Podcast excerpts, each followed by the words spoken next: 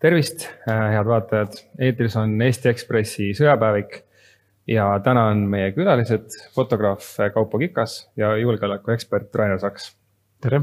tervist võib-olla siis alguses, kuna me oleme siin, Kaupo, sinu näituse keskel äh,, räägime, mis äh, tööd need on siin, näitusjäljed see ei ole nüüd otseselt meie tänase jutuga seotud, aga see on selline hea ja ilus koht, kus olla ja näitusjäljed on tõesti praegu siis väga lühidalt avatud, ta on selline äh, moodsalt öeldes pop-up või satelliitnäitus meie suurele filmi ja muusikaprojektile, mis linastub kahekümne kolmandal siin kõrval Alexela kontserdimajas koos Erkki Pärnojaga, nii et ta on nagu mõtteliselt selline justkui selline filmist püütud hetkede kogum, mis siis linastub seal kõrval, nii et äh, Ukrainaga on seos muidugi see, et äh, et see peamine pildistamise, filmimise aeg on olnud täpselt see aastaring, mis praegu meil siin täis saab ja loomulikult ei ole läinud päevagi mööda, kui see äh, poleks mõjutanud, ma arvan, iga kunstnikku nii et kaudselt on see ikkagi natuke ka sõja teemal? Äh, ütleme niimoodi, et siin selle, siin on mingid metafoorid kindlasti, aga ma nii-öelda sellist avalikku Ukraina või sõja positsiooni kindlasti siin ei võta, et lihtsalt. lihtsalt kunstis ongi see, et sa ei saa ju ennast ära keelata, et sa ei saa ennast ise tühistada, ehk siis see sõda on olnud selline igapäevane kaaslane, nii et see vaieldamatult mõjutab, aga, aga mul on mitu projekti, mis on väga otseselt sellega seotud, mis, mis. midagi on juba juhtunud ja midagi on juhtumas tulevikus tulevikus ka, nii et selles mõttes see paralleelselt on ka olnud asi, millega ma tegelen küll kogu aeg. ja Rainer, äh, ilmunud on hiljuti sõjapäevikutest siis raamat. Äh, millest see siis täpselt, see idee sündis või kuidas tuli mõte see kokku panna? see on no, meil ka siin täna olemas tegelikult. jah, see on olemas täiesti, täiesti füüsiliselt. ei, see ilmumise fakt on seotud sellega, et, et kuna sõda on kestnud palju pikemalt, kui me arvasime ja nüüd on nagu aasta aega on siis kirjutatud iga päev niisuguseid blogipostitusi, ülevaateid. ja suheldes siin teie kirjastusega tekkis, tekkis selline mõte, et okei okay,, et see praegu ei saa kirjutada selle sõja kohta tagasivaates, mis on selle sõja nii-öelda hinnang võib-olla või, või kuidas seda hinnata, aga me saame kirjutada kommentaarid nendele, mis me aasta jooksul oleme siin postitanud ja seal postitustes ikka aeg-ajalt üritad ka nagu ennustada, mis siis võiks juhtuda, et siis saab nagu hinnata nagu seda, et, et mis siis tegelikult juhtus. ja et see võib-olla teeb selle lugemise huvitavaks ja need inimesed, kes on seda raamatut juba pidanud lugema, mm, selleks, et seda kommenteerida või nii edasi, siis nemad ütlevad, et et tõepoolest, et nii palju on sellest raamatust abi olnud, et mingid sündmused on hämmastaval kombel täitsa meelest ära läinud, mis olid ütleme siin aprillis, mais, juunis olid väga-väga suured pealkirjad. täitsa on ununenud, mul endal ka, kui ma seda kokku panin, siis mul noh, nagu päris vau momenti ei olnud muidugi, aga. aga tuli alateadvuses sobrada, et, et mingid nüansid meelde tuleksid ja tuli järele mõelda, et see ei olnud päris niisama. et tuli case'ist, et nagu jah, et seal on ka mõned mõned siis nii-öelda postitused tehtud nende päevade kohta, kus need olulisemad sündmused äh, aset leidsid ja siis on siis Äh, lugejat ei koormata siis kõikide postituste ülelugemisega, vaid siis need valikuliselt ja siis on sinna juurde siis kommentaare kirjutatud. jah, need Ukraina sõjapäevikud ongi kokku pandud nendest päevikutest siis. ja, ja vaatame... mõned asjad tundusid siis juba nagu olid ununenud kogu selles infotulvas ja, ja tegelikult noh, ununevad peamised sündmused, mitte, mitte siis nii-öelda see sõda kui selline, aga, aga noh, mõned sündmused, mis juhtusid ja mis siis nagu sellele eelnes ja mis sellele järgnes ja miks seda tol ajal peeti oluliseks, et noh, nüüd võib vaadata ka neid peaaegu siin aasta tagasi mõnedele sündmustele, et kas nad siis ka praegu tunduvad nii olulised, nagu nad siis tundusid. tegelikult, äh, miks ma sellega tahtsin sisse juhatada, oligi see, et mõlemad, mõlemad olete siis äh, saanud maha mingisuguse loomingulise asjaga, mis on sõjaga seotud ja üks asi, millest ma tahtsingi rääkida, olekski äh, sõja kajastamine, sest et teil on mõlemal sellega kokkupuude ja teine asi siis ka, mis selle teemaga seostub, on kunstnikud sõjas ja kunst sõjas. et äh, alustaksime võib-olla selle kajastamise poolega, et äh, on rindeoperaatorid, on ajakirjanikud, on erinevad äh, inimesed, kes sõda kajastavad, seda on võimalik kajastada lähedalt, seda on võimalik kajastada kaugelt. millist mõju avaldab see siis sellele inimesele, kes seda teeb ja kuidas valida, mida kajastada ja mida mitte? Siin oli nüüd palju, päris palju nüansse tegelikult ja päris palju küsimusi, et ma võib-olla võtan siit kaks niimoodi meelevaldselt ja Rainer siis valib, kui paljudele tema tahab vastata, et. et kõigepealt üleüldse see sõjakajastuse muutus, et, et selles mõttes see on minu jaoks üks nagu kõige hirmutavam faktor just seeläbi, et sõjast on juba peaaegu saanud nagu selline reality arvutimäng, et. et see, kuidas ka täiesti nii-öelda valitsuse tasandil rahulikult nimetatakse ühte poolt orkideks, noh ega ei saa väga vastu vaielda, et see ka väga ekslik oleks, aga, aga sellegipoolest, et. Et sisse on tulnud nagu sellised nii-öelda mängulised terminid, mis muudavad selle inimelu nagu justkui peaaegu, et nagu mingi arvutimängus nagu ühe hiirekliki kaugusel olevaks, et Äh, teine asi, mis mind tegelikult väga hirmutab, on siis nii-öelda, keda austavalt nimetatakse sõjablogijateks, kes siis nii-öelda on seal nii-öelda on the spot, eks ole, kes tihtipeale siis on ühe või teise poole nii-öelda kaevikus, eks ju, et see seltskond on ka ikka nagu noh, kergelt nagu marutõbised, et, äh, et eks me muidugi oleme nagu teistpidi jälle oma infonäljas neile väga tänulikud, et me saame sealt nii-öelda noh, hoopis teistsugust infot kui läbi siis nende erinevate filtrikihtide, aga, aga sellegipoolest noh, see, see on, see on, see ütleme, see jutt läheks väga pikaks, miks see tundub mulle jällegi teistpidi väga haiglane nagu. ja, ja siis ma võtan nüüd teise nagu sellise noppe sellest, mis sa praegu ütlesid, et kuidas see mõjutab, eks ju, et noh, üks asi mina ei ole sõjaajakirjanik, sõjafotograaf, kaugel-kaugel sellest.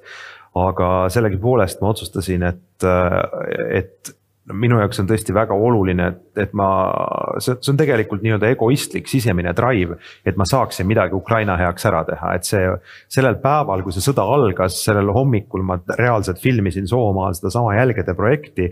ja tegin enda sees otsuse juba siis, et see on midagi nii valet Äh, midagi nii fundamentaalselt halba, et kui ma selle vastu praegu oma piiratud võimalustes ei astu, siis mille vastu ma üldse astun, ehk siis see oli minu jaoks nagu isiklik sihuke näo kaotamise äh, draama ja, ja, ja võib-olla esimese asjana, mis õnnestus tõesti hästi, me tegime suure sõpradega suure ürituse Eesti laulab Ukrainale kevadel, mis, kus õnnestus tõesti vist poole tunniga koguda sada nelikümmend viis tuhat eurot ja selle eest sai palju kasulikku. rääkida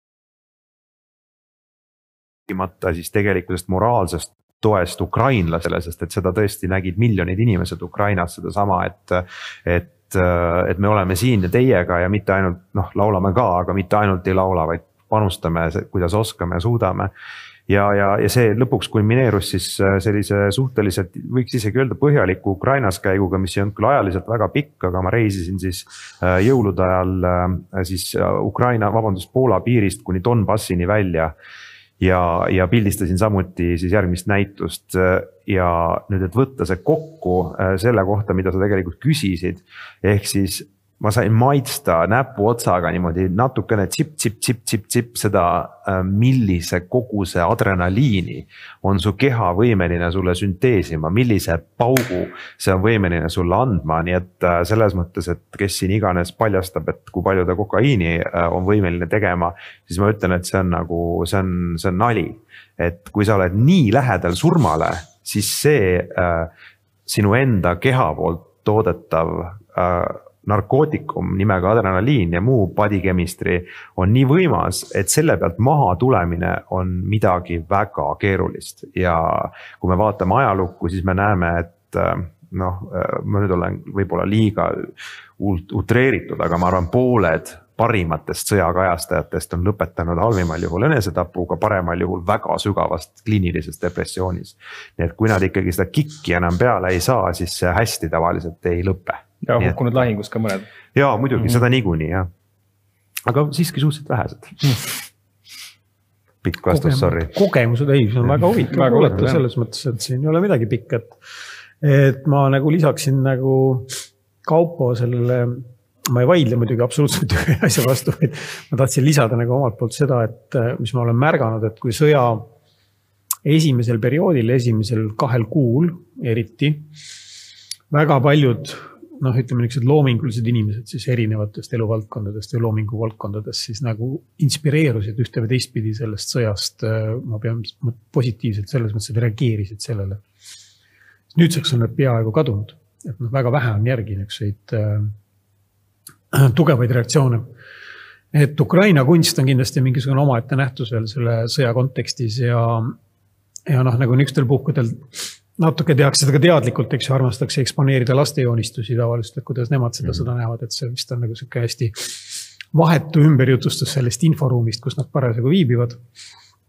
seal Ukrainas on ka võimalik leida väga erinevaid momente, eks ju, on ju. vabandust, on, on, on ju piirkondi, kus noh, aeg-ajalt on õhuhäirega tegelikult mitte midagi ei juhtu. ja siis on see, kus kogu aeg midagi plahvatab. nii et äh, see on nagu, sõda ja kunst on tegelikult üks niisugune väga huvitav intellektuaalselt teema, aga tegelikult on see ikkagi traagiline. seda ei tohi unustada kaugelt vaadates muidugi, kui sa küsisid lähedalt ja kaugelt. kaugelt vaadates sõda ei näe nii välja kole, nii kole kui, kui lähedalt vaadates ja lähedalt vaadates on tihtipeale see, et ei, ei näe nagu seda, kuhu see asi liigub, eks ju, et siis on nagu selleks, et saada aru, mis toimub on vaja mõlemat vaadet, on lähedalt ja kaugelt. Äh, ma mäletan kunagi, kui Eesti päästjad läksid Indoneesiasse maavärina abi osutama mingile niisugusele noh, natukene kõrvalisele saarele, kus oli ka veel oma mingi rahvas elas, eks ju, kes ei olnud päris nagu unisoonis selle keskvalitsusega. ja siis äh, äh, ma helistasin sinna sellele päästeüksuse juhile ja no küsisin, et et noh, räägi siis meile, mis seal toimub, ta ütles, et rääkige teie, et meil oleme siin ühes väikses külas toimetame. me ei tea üldse mitte midagi. ja noh, tollal ei olnud internetti ega, ja noh, seal džunglikülas seda enam noh, ei olnud ka mingit üldse mitte mingi, no ei traadiga traadita, noh mitte, mitte kunagi polnud olnudki. et nende jaoks ainuke side välismaailmaga oligi see telefon nagu vanamoodsalt helistasid ja küsisid, rääkige mulle, mis toimub. et no see on ka see, et lähedalt vaade ei andnud nagu selles plaanis valitsusele suurt midagi, kes tahtis teada mingit üldpilti. aga andis mingid väga vahetud emotsioonid, mida sai jälle noh, kasutada selleks, et see üldpilt oleks nagu värvitam. ja, ja päris reaalse eluga seotud, et ta ei oleks liiga abstraktne. ja, ja tegelikult noh, mina ei ole kohapeal seda sõda vaatamas käinud et ja, ja natukene täitsa teadlikult ma väldin nagu niisuguseid emotsionaalseid tahke sellest sõjast, sest ma ei taha saada endale seda adrenaliinimürgitust. ma tean, et see võib tulla väga kergesti. ja ma nagu selleks, et äh, täita seda rolli, mida ma täidan, siis ma katsun vältida noh, niisuguseid sügavalt emotsionaalseid, isiklikke ja üksikisikutega seotud teemasid, et siis mm. on kuidagi natuke lihtsam hoida seda distantsi jah, seda ma just tahtsingi uurida, et kuidas see valiku tegemine käib, et näiteks praegu ma tean, et see Türgi maavärin, seal samamoodi isegi ajakirjanikel soovitatakse mingeid kõige hullemaid asju mitte näidata, sest et see on läheb lihtsalt liiga hirmus välja.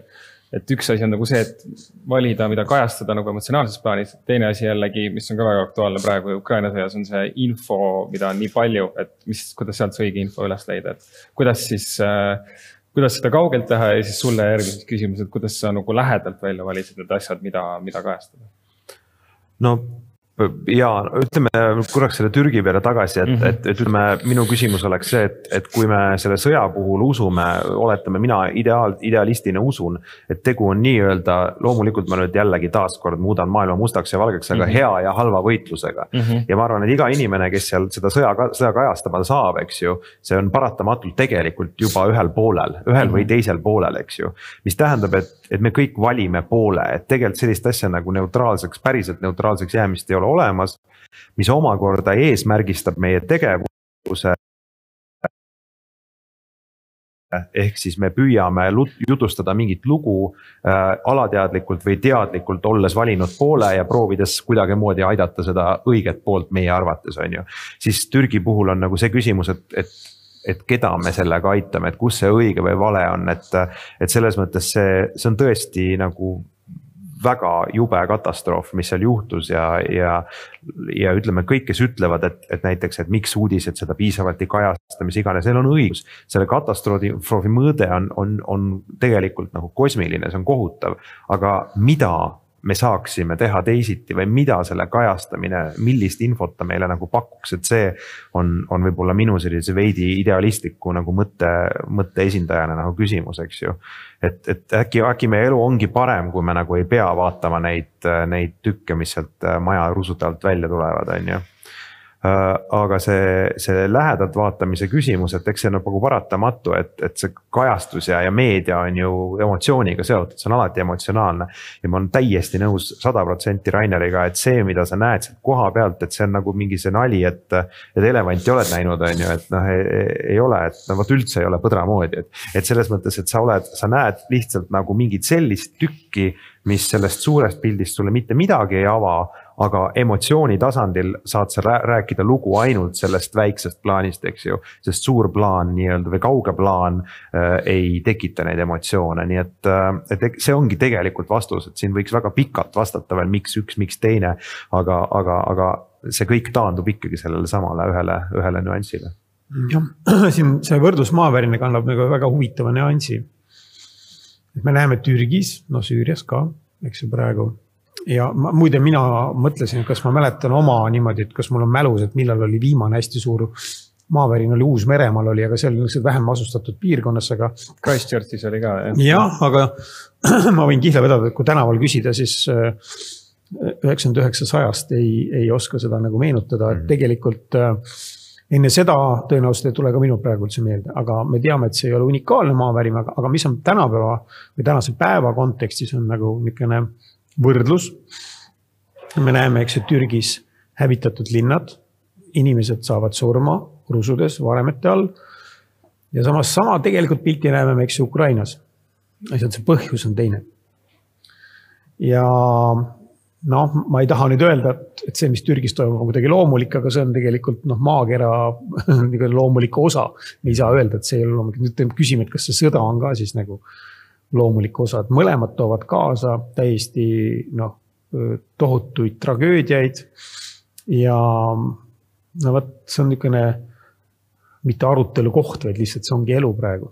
Et mida siis on tegelikult võimalik vaadata nii kaugelt ja lähedalt ja ja igaüks saab teha oma peas mingeid järeldusi, aga keegi peab andma sellele ka hinnanguid. et see, kes nagu kuidagimoodi neid sündmusi kajastab ja et selles mõttes ei ole just nagu kõige kergem ülesanne, aga ma arvan, see on natukene vastus sellele, et miks võib-olla see Türgi ei ole nii prominentselt uudistes. sellepärast, et lihtsalt mujal toimub niivõrd palju jõhkramat, mis on inimese enda põhjustatud, et see võtab praegu rohkem tähelepanu. jah ma olen äh, Ukrainas ei ole käinud, aga ma olen käinud Christchurchis küll palju hiljem, kui see maavärin oli toimunud ja, aga see, kuidas see linna hing oli nagu täiesti murtud ja see oli väga-väga õudne. see oli kaheksa aastat hiljem pärast seda maavärinat mm, -hmm. see kindlasti kõik võtab aega. Äh, teine asi, millest äh, ka tahtsin rääkida, mida me natuke oleme puudutanud, on kunstnikud ja kunstsõjas ja tegelikult väga palju seda on ka räägitud Ukraina sõjast et ukrainlased jah, nad võitlevad küll oma maa eest, aga nad võitlevad ka väga suuresti enda keele ja kultuuri eest ju. et äh, ja sõja alguses kõik noh, no lood sellest, kuidas Odessa muuseumit viidi neid töid sinna keldrisse, sest neid ei olnud lihtsalt mitte kuskile panna, ei olnud võimalik evakueerida. ja, ja noh, see on see üks pool, et kuidas kunstiväärtusi hävitatakse, neid päästetakse. teine asi on see, et väga paljud kunstnikud on äh, sõtta läinud, äh, muusikud samamoodi. mida te sellest teate või nagu Ukraina kunstist sõjas ja siis Ukraina kunstnikest sõjas? No võib-olla ainult sihuke jälle see inimlik mõõde, et noh, et, et ütleme kunstiringkonnas, kus just ütleme nüüd ma jälle muidugi jälle ilustan, aga et inimesed paratamatult on võib-olla tundlikumad ja sõjakaugemad tegelikult, ehk siis nendest on võib-olla seal rindel tegelikult vähem kasu. aga selle võrra usinamalt on nad sinna ka vabatahtlikult läinud, et äh, mul oli üks hästi huvitav kohtumine Äh, Petro Bevza, päris tunnustatud, on muideks Eestis ka käinud äh, maalikunstnik Ukrainast ja. ja ta vist on täpselt kuuskümmend ja läks esimese asjana sinna nii-öelda nii kui madin algas, läks kohe otsima, kus, kus bussi saab ja kus püssi alla saab minna ja öeldi, et sõbrake, vana oled. ei saa sind võtta, siis ta läks sinna territoriaalkaitsesse koos oma pojaga ja nii edasi aga noh, sisuliselt ta ütles, et kõik ta sõbrad tegid sedasama, et et tegelikult see ongi huvitav, et, et, et võib-olla siin ei ole üldse määrav see, mis ametit keegi peab või millised noh, nii-öelda, mis stereotüübile ta vastab. aga need inimesed tunnetasid seda samamoodi, nad ei, nad ei pruukinud sugugi olla eelmisel päeval nagu sellised väga tohutud riigipatrioodid, absoluutselt mitte, nad pigem võisid oma nii-öelda veidi vabamas käsitluses olla, aga hoopis nii-öelda natuke nagu riigivastased teatud mõttes, aga sellel hetkel nad said aru, et nii, nüüd, nüüd, nüüd ei ole siin midagi rääkida ja nad läksid vabatahtlikult esimesena, mitte jäänud ootama, et, et kas tullakse kutsuma või küsima või kas peaks kuhugi jalga laskma või mis iganes. nii et, et selles suhtes neid on seal hukka saanud kõvasti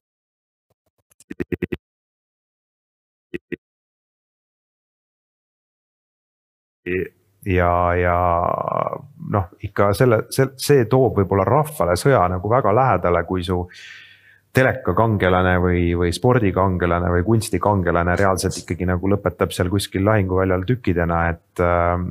nii et see on, see on reaalsus, et äh, ma ei oska, ma ei oskagi selles mõttes siin rohkem midagi peegeldada, aga see, see vägi, mida ma nendes inimestes seal tunnetasin, sealhulgas ka nendes pehmodes kunstnikes, kes tuleb välja, et vähemalt vaimu poolest ei olegi nii pehmod äh,. see oli vägev, see oli võimas, see oli, see oli, see oli midagi sellist, mida ma polnud elus tegelikult ennem kohanud ja, ja ütleme, võib-olla tõesti minu selline kõige tugevamaks emotsiooniks jäigi üks lõunasöök rinde lähedal koos sõduritega kellest üks sõdur tuli välja, hakkasime rääkima hästi kehvati, no see oli väga naljakas ja pikk lugu, ma ei hakka seda detailselt rääkima. aga igal juhul long story short, ta oli äh, suure pagaritööstuse omanik, kus töötab, ma ei tea, kaks-kolm tuhat inimest. tehased Saksamaal ja nii edasi ja talle tuli nii-öelda sõda hakkas ja ta läks sõtta ühesõnaga ja. et, et ja juhib noh, selles mõttes juhib sealt samalt rindelt, see oli kõik nagu jällegi nii koomiline, et kui sa nagu mõtled, et noh, et sõda ja, ja ju su ettekujutus on ju alati nagu mingisugune. no ma ei tea siis, kas Hollywoodi Hollywoodi filmi põhjal või mõne raamatu põhjal, aga sõda käib niimoodi, et.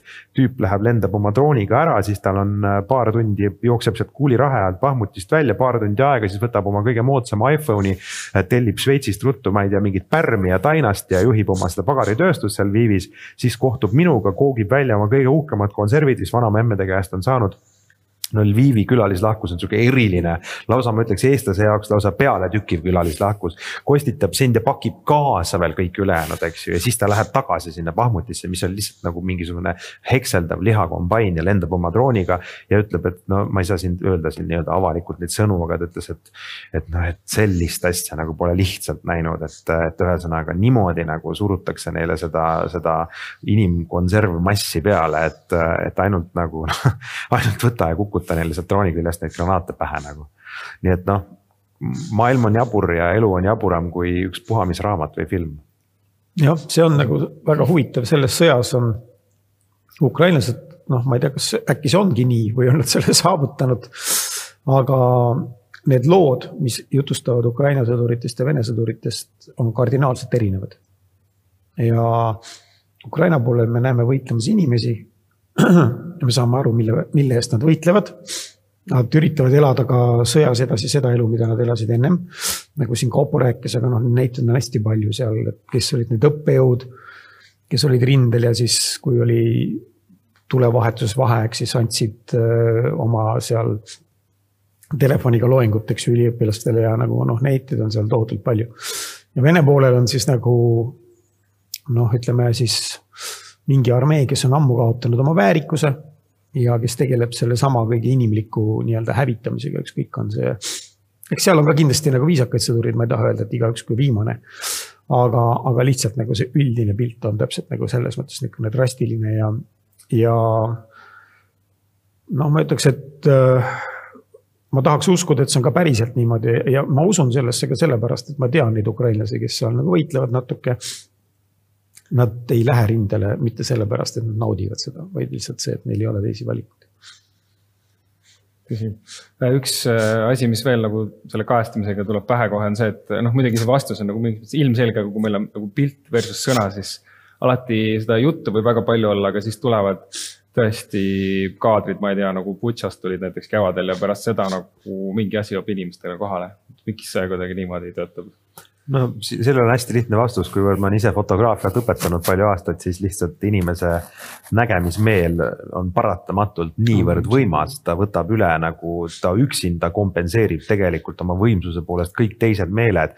ja sealt see kõik algab, eks ju, ehk siis need silmad, silmad ja meie aju koostöö. Äh, me ei saa selle vastu, ehk siis kõik see, mis tuleb visuaalselt, tuleb kõige kiiremini, kõige võimsamalt, põhjustab taaskord kehakeemia laine. nii et, et see lihtsalt on niimoodi niimoodi ja, ja niimoodi on inimene ja ilmselt ka loom ehitatud ja tõenäoliselt vaatame tagasi miljonite aastate taha. siis on see ju kõige ka paremini meid kaitsev meel, eks ju, nii et ilmselt äh, see, see on nii. kes iganes äh, ahve või jumal või kosmos või ma ei tea, mis iganes scientoloog meid siin niimoodi välja tegi, siis nii ta, nii ta, nii ta meid kokku ehitas. Eesti keeles on see vanasõna, et parem üks kord näha, kui sada korda kuulda, see vist on ka enam see proportsioon, mis nagu. ja, ja, nii et, et kuigi me teame, et pilt ei ole tõde, me kõik teame seda, et pilt valetab, aga me siiski usume seda, kas alateadlikult või teadlikult. see jääb meelde lihtsalt. Mm., sööbib mällu, et kuuldud asjad kuuled tavaliselt valesti. Lihtsalt näed, seda sa nagu talletad paremini.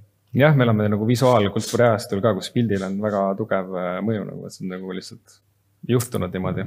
see ei ole selle sõja mingisugune suur eripära, et see on tegelikult ikkagi ammudest, ammustest aegadest ja kes on kunstiajalugu õppinud või õpetanud, eks ju, et see teab, et juba vanas Roomas, Kreekas, eks ju, üritati visuaale võltsida nagu, et olnukohta, eks ju mm., presenteerida kuidagi teistmoodi, et.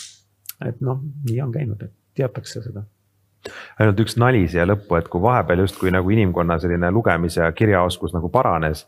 siis nüüd me muutume nagu selliseks telefoni hoidvaks ahviks aina rohkem tagasi, ehk siis, et tegelikult meie lugemis- ja kirjaoskus on nagu taandarengus ja see pilt võtab noh, ütleme niimoodi, et vanasti vanas Roomas oli probleem, sest inimesed ei osanud lugeda mm., siis äh, jõuame tagasi umbes sinna punkti praegu, et, et pilt võtab, võtab kõik asjad üle. jah, ja seda pilti tuleb ju nagu äh, mõlemalt, äh, mõlemalt poolt aga kuidas ongi, kuidas sealt äh, vedistada siis nagu see õige info valesti ikkagi ka, see tundub väga keeruline, eriti sellesse ajal. see on vist rohkem Rainer. no tegelikult Kaupo ütles alguses ära, et sa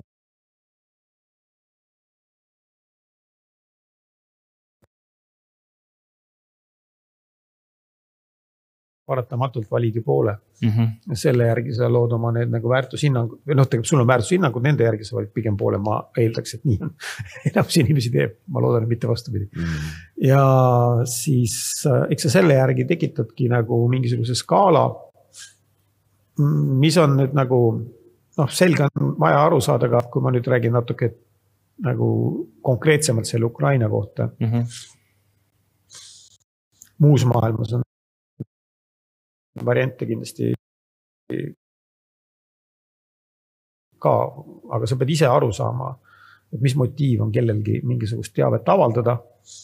ja noh, üldiselt ma ei ole muidugi seda üksi nagu oma peas välja mõelnud, olen siin konsulteerinud teiste inimestega ka, kes, kes peavad sellest infost, pudrust, mis sealt tuleb, midagi kokku panema ja, ja midagi arvama.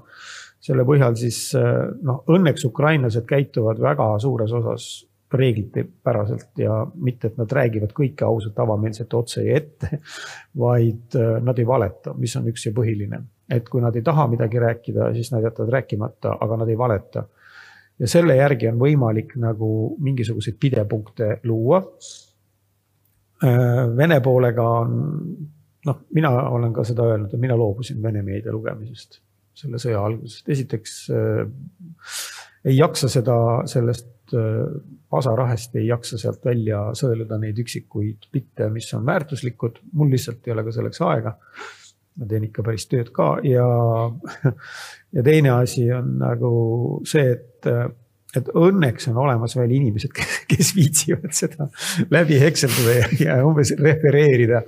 et siis sa saad umbes aimu, et noh, mis info väljas elab tavaline vene inimene et see on tegelikult väga tähtis, sellepärast et kui sa tahad hinnata seda, et, et kuhu see sõda üldises plaanis liigub. siis Vene poole peal võib-olla kõige kriitilisem ongi see, mida tavaline vene inimene sellest arvab. no see ei ole praegu väga meeldiv, tundub see pilt, aga midagi ei ole igavene ja, ja seda on võimalik ka katsuda kuskilt väljast mõjutada nendel, kes, kes omavad selleks ressursse, nii et noh, ma ei tea, teinekord ka üks näitus võib rohkem muuta, et Äh, kui inimesed oskavad selle konteksti panna. kahjuks Venemaa ei ole enam selline, nagu oli Nõukogude Liit, et kus võim oli muutunud naeruväärseks. Venemaal võim veel naeruväärne ei ole.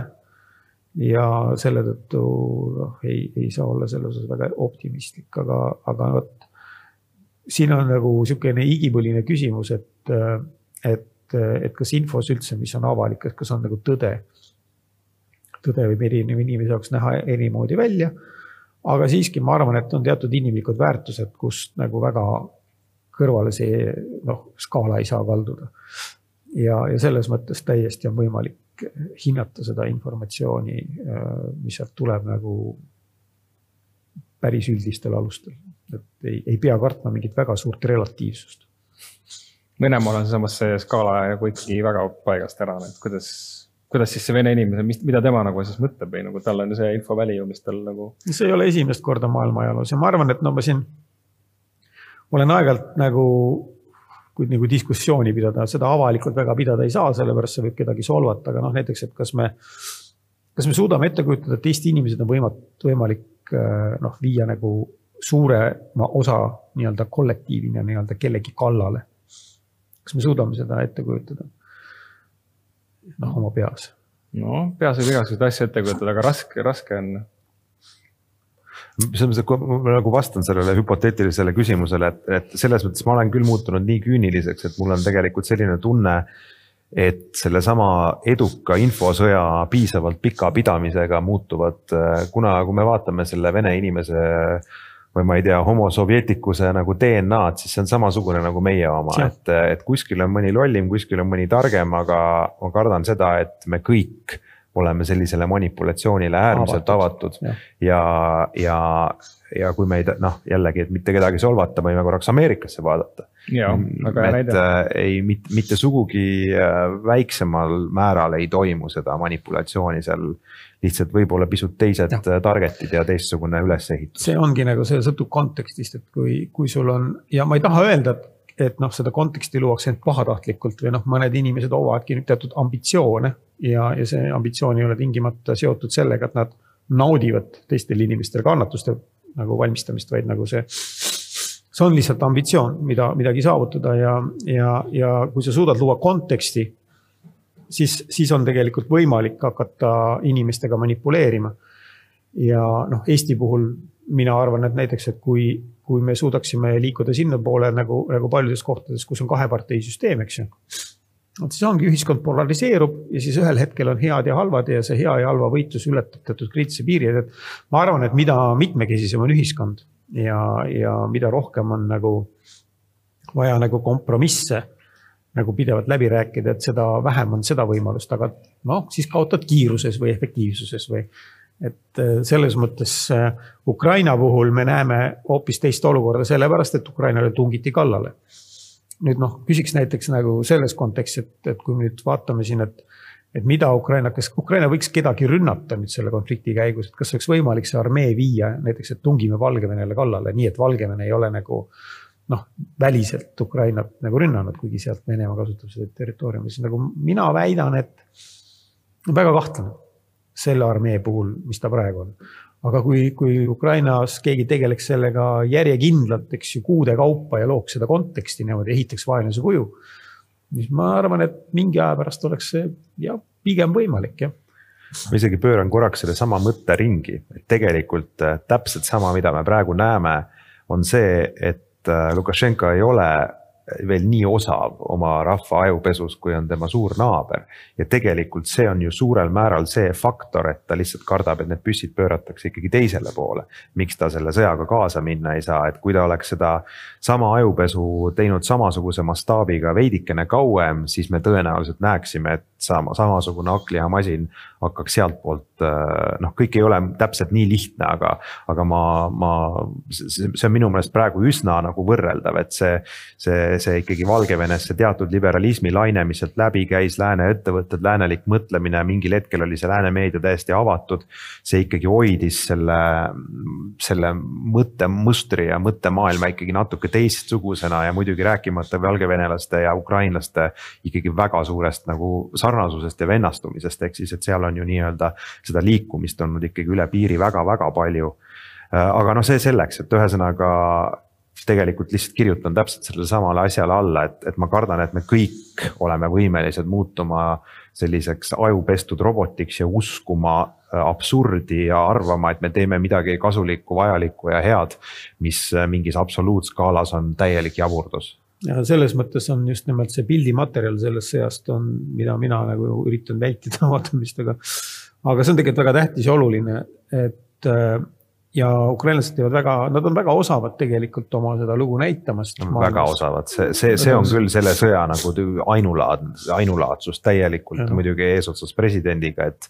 et ikkagi sisuliselt president on ju sotsiaalmeedia spetsialist no, tegelikult. et, jah, et, et ja mitte ainult ta ei ole see käilakuju, vaid tal on tiim ja teadmised. Kuidas tegelikult kogu see, see nii-öelda äh, müüdiloome toimib, eks ole, et müüdiloome on nagu äärmiselt, äärmiselt tugev see, see on ka nagu ma seal oma selles vast valminud raamatus ühes kohas nagu mainin seda, et. et tegelikult me oleme ka ise, no Eestis võib-olla vähem, aga nagu Euroopas laiemalt loonud Ukrainast nagu enne seda müüte. Ja need müüdid on ju valdavalt selline, et tegemist on mingi vähe, vähe arenenud, eks ju, väga niisuguse korrumpeerunud ja kuidagimoodi nagu noh, peaaegu et alaarenenud mingisuguse ühiskonnaga mm. -hmm mis on väga ebaefektiivne ja üleüldse nagu nad suurt millegagi hakkama ei saa, aga nüüd vaadake, noh, tekib siis nagu küsimus, et, et, et ja samas, kui Venemaast räägitakse kui niisugusest suurvõimust on ju ja. et no võib vaadata, kuidas USA-l Afganistanis läks, aga, aga see on ka mingi skaala. aga noh, antud juhul see ei ole mingisugune kakskümmend aastat kestnud geriljasõda, mis on nagu, on mingid tulemused toonud, vaid see on tegelikult ikkagi nagu väga tõsine rahvuslik nagu väljaastumine, mis tähendab seda, et see ühiskond peab olema väga hästi organiseeritud. selle sõja käigus on selgunud, et tegelikult see nende majandus ei ole üldse nii primitiivne ja, ja tegelikult nende tooteid oli maailmaturgudel ikkagi päris vaja. Ja üleüldse nad tegelikult oskavad, riik ei ole kokku kukkunud, aasta on möödas, pangad töötavad. Äh, inimesed enamasti käivad tööl, ei ole massilist tööpuudust. no okei okay,, sõja tingimustes on see ka arusaadav, et iga, iga, iga kättepaar on vajalik mingil moel. Äh, ma ei räägi sellest, et seal nende palgad peaksid tõusma või noh, see on täiesti irrelevantne, aga, aga rahandus ka toimib. nii et ei ole mindud nagu hindade reguleerimise teed mida vaata, et meil siin Eestis aeg-ajalt arutatakse. see on, seda, seda võib, eks muidugi siin, siin saame nüüd jälle nii-öelda lääne inimeste nendele õlale kõik ja. patsutada ja öelda, et oleme tublid aitajad, eks ju, aga tegelikult see on, see on ime, see on taaskord ime. ja, ja veel seal võib-olla kohapeal näiteks üks asi, mis hoiab vaimu ka tugevana, see, kuidas koristatakse ära pärast rünnakut mm. -hmm. see on minutite küsimus, tähendab kõigepealt, nii kui pauk on käinud, eks ju, kõigepealt päästjad, äh, arstid peale ja nende taga tuleb kohe järgmine seltskond, kes kindlustab ära äh, nii-öelda objekti, koristab ära ja, ja sama hästi, kui läheb elu edasi. ja see on moraalselt mingi tohutult, kannab tohutut jõudu endas, see on uskumatu ja, ja isegi näiteks no, nüüd nagu naljaga pooleks rääkides, et kui ma läksin idasse noh, me ju teame, me oleme näinud neid pilte, eks ole, mingit kolonnide kaupa hävitatud Vene tehnikat. ja lähed ja käid igal pool ümberringi on miiniväljad, mitte ühte tanki sa ei näe, sest need on, need viiakse kohe ära. ja sealsamas rindel isegi küsisin, ta ütles ja, ja meil on eraldi kohe nagu kõigepealt võetakse juppe, mis saab, eks ole, siis viiakse metall minema. et see näitab tegelikult sellisel rohujuure tasandil, eks ju, kogu selle sõjamasina värgi puhul ka ikkagi ühiskonna nagu ääretult efektiivset toimimist see ei ole märgiline nii-öelda võib-olla üksinda, aga see on just nimelt mingi märk millestki suuremast, et. et tõepoolest, see, see on küll see, ma arvan, et seda, kui noh, mina ka olen, olen enne sõda arvasin, et sõda sellisel moel ei tule, nii edasi, nii edasi, teinud väga palju valearvestusi, valeennustusi enda peas. siis see on võib-olla kõige suurem ime, kuidas see riik suudab toimida nagu jah, ja tõepoolest see Euroopa abi neile on tegelikult väga vajalik, ma ei, ma ei vaidle selle vastu, aga aga see, milliseid narratiive me ise loome nagu teiste kohta ja siis me ei, ei oska ikkagi sinna sisse vaadata. et see on tegelikult väga paljus maksis ka ukrainlastele üldse selle, et see sõda algas, et, et arvati, et ühed, üks arvas, et noh, nendest ei ole sõdijaid ja üleüldse, et see on mingi. ja teised ütlesid, et neid ei ole mõtet toetada, see on nagu läbi kukkunud nagu ühiskond ja, ja nüüd palun väga, et nad peavad siis nagu seda tõestama nagu sellisel moel, ei ole kõige kõige meeldivam välja, see välja tulnud, et selle tõttu noh, eestlased on küll mures, et mida vist mõeldakse, aga tasub ollagi aeg-ajalt ausalt öeldes. see ei ole üldse asi, mille üle irvitada. ja, ja et te, tegelikult ja seda ju noh, on nii mõnigi kord välja öeldud, et, et ka meie puhul, et, et see, mida meist mõeldakse, see ei ole mitte meie nii-öelda ego küsimus, vaid see on meie ellujäämise ja okay. meie, meie vastupidamise küsimus, et nii et näiteks ütlen ausalt, olen seda nagu indiviidi tasandil iseendale täielikult ammu teadvustanud ja, ja, ja seetõttu ka väga suur nii-öelda Eesti armastaja ja patrioot, olles kogu aeg teel, tunnen ma kogu aeg sellist, kuidas öelda, nagu mingit kultuurisaadiku nagu head positiivset rolli, ma ei jäta ühtegi vestlust pidamata, rääkimata. milline riik siin on ja kui, kui, mis siin väga ägedat on ja võib-olla ka, mis siin valesti on, mida me paremini peame tegema. et ma arvan, et igaüks meist nagu peabki olema selline kultuurisaadik, mis iganes moel me saame seda teha, et maailmas kogu aeg seda müüti elus hoida ja siis me usume seda ise ja siis see müüt muutubki tõelisuseks. jah, Toomas Hendrik Ilves vist oli see, kes kunagi ütles, et iga eestlane on diplomaat või peaks olema mm. -hmm. ja selles mõttes, kui ma olen ise elanud seitse aastat äh, välismaal ja avastasin, et selle aja jooksul ma muutusin aina suuremaks patrioodiks ja rääkisin väga palju, noh Eestist inimestele ja koht tundub meile väga põnev kaugelt vaadates. see Eesti nagu müüt, kui seda niimoodi -hmm. ehitada, see on, äh, töötab hästi. Äh, vaikselt hakkab meie aeg otsa saama, aga ma tahaks küsida lõpetuseks, et mis võiksid olla edasised või nagu järgmised äh, arengud Ukrainas ja mis on viimase aja, viimaste päevade sündmused, et räägime nendest ka natuke oli Bideni, Bideni visiit ja Putini kõne, mis, mis on tähtsamad asjad? No ütleme niimoodi, et äh, mitte nüüd nagu selle jutu peale minna nii sügavaks poliitiliseks siis eelneva jutu peale, et siis äh, ukrainlased peavad suutma balansseerida nagu niisuguse kahe äärmuse vahel, et. et nad ei, neil ei lähe veel nii hästi, et nad saaksid nagu seda niimoodi välja näidata ja siis, et. Nad ei tohi ka näidata, et nad on läbikukkumisel, nad ei ole ka, et nad üritavad oma läänepartnereid veenda ja läänepartnerid nüüd on siis äh, nii kommunikatsioonis kui ka siis päriselus nagu kokku leppimas nagu selliseid abipakette, mis peaks aitama Ukrainal sõjas vastu pidada. ja niimoodi, et ukrainlased ei, ei kaotaks nii palju mehi, kui siis see, see ründavam pool. no ma loodan, et, et sellest saab asja. Venemaa juhtkond vist adub, et see kõige parem see olukord nende jaoks ei ole, nad ei näita seda muidugi välja, nad ei otsi sellest väljapääsu nagu inimlikul moel veel ja noh, Hiina tegelikult käes on väga paljus ka selles, et kas Venemaa saab pikalt sõdida või ei saa. et, et kui nad otsustavad Venemaad hakata rohkem toetama, siis sõda pikeneb. aga ma ikkagi arvan, et, et noh, see ei saa lihtsalt nii juhtuda, et Venemaa võidab, sellepärast et, et Vene sõduril ei ole lihtsalt seda, seda moraalset jalgealust, et, et, et seda sõda nagu võita. Ainuüksi sellepärast ma arvan, et, et see lõpuks ikkagi jääb, Ukraina saab oma, oma nii-öelda tahtmise ja noh, seda võib-olla ei olegi hea võiduks nimetada. võib-olla see on üks esimene asi, mida me võiks ise kokku leppida, et ärme nimeta seda võiduks. aga igal juhul tulevad mingid läbirääkimised kuskil laua taga? ikka tulevad lõpuks, ega noh, millal nad tulevad ja kes sinna istuvad, seda me ei tea. aga võib-olla nagu arvestades seda, kui palju on siin tapetud, siis nagu võidust rääkida on kohatu ja noh, nagu isegi kui keegi mäletab nõukogude ajal ju seda võitu hakati tähistama alles siis, kui see. sellest nii-öelda võidust oli möödas üle kahekümne aasta, et. et siis ta tundus nii kauge, abstraktne ja, ja kuidagi ilus, et need, kes mäletasid, mäletasid kõik koheselt. kaotused olid ju tohutud selles mõttes. jah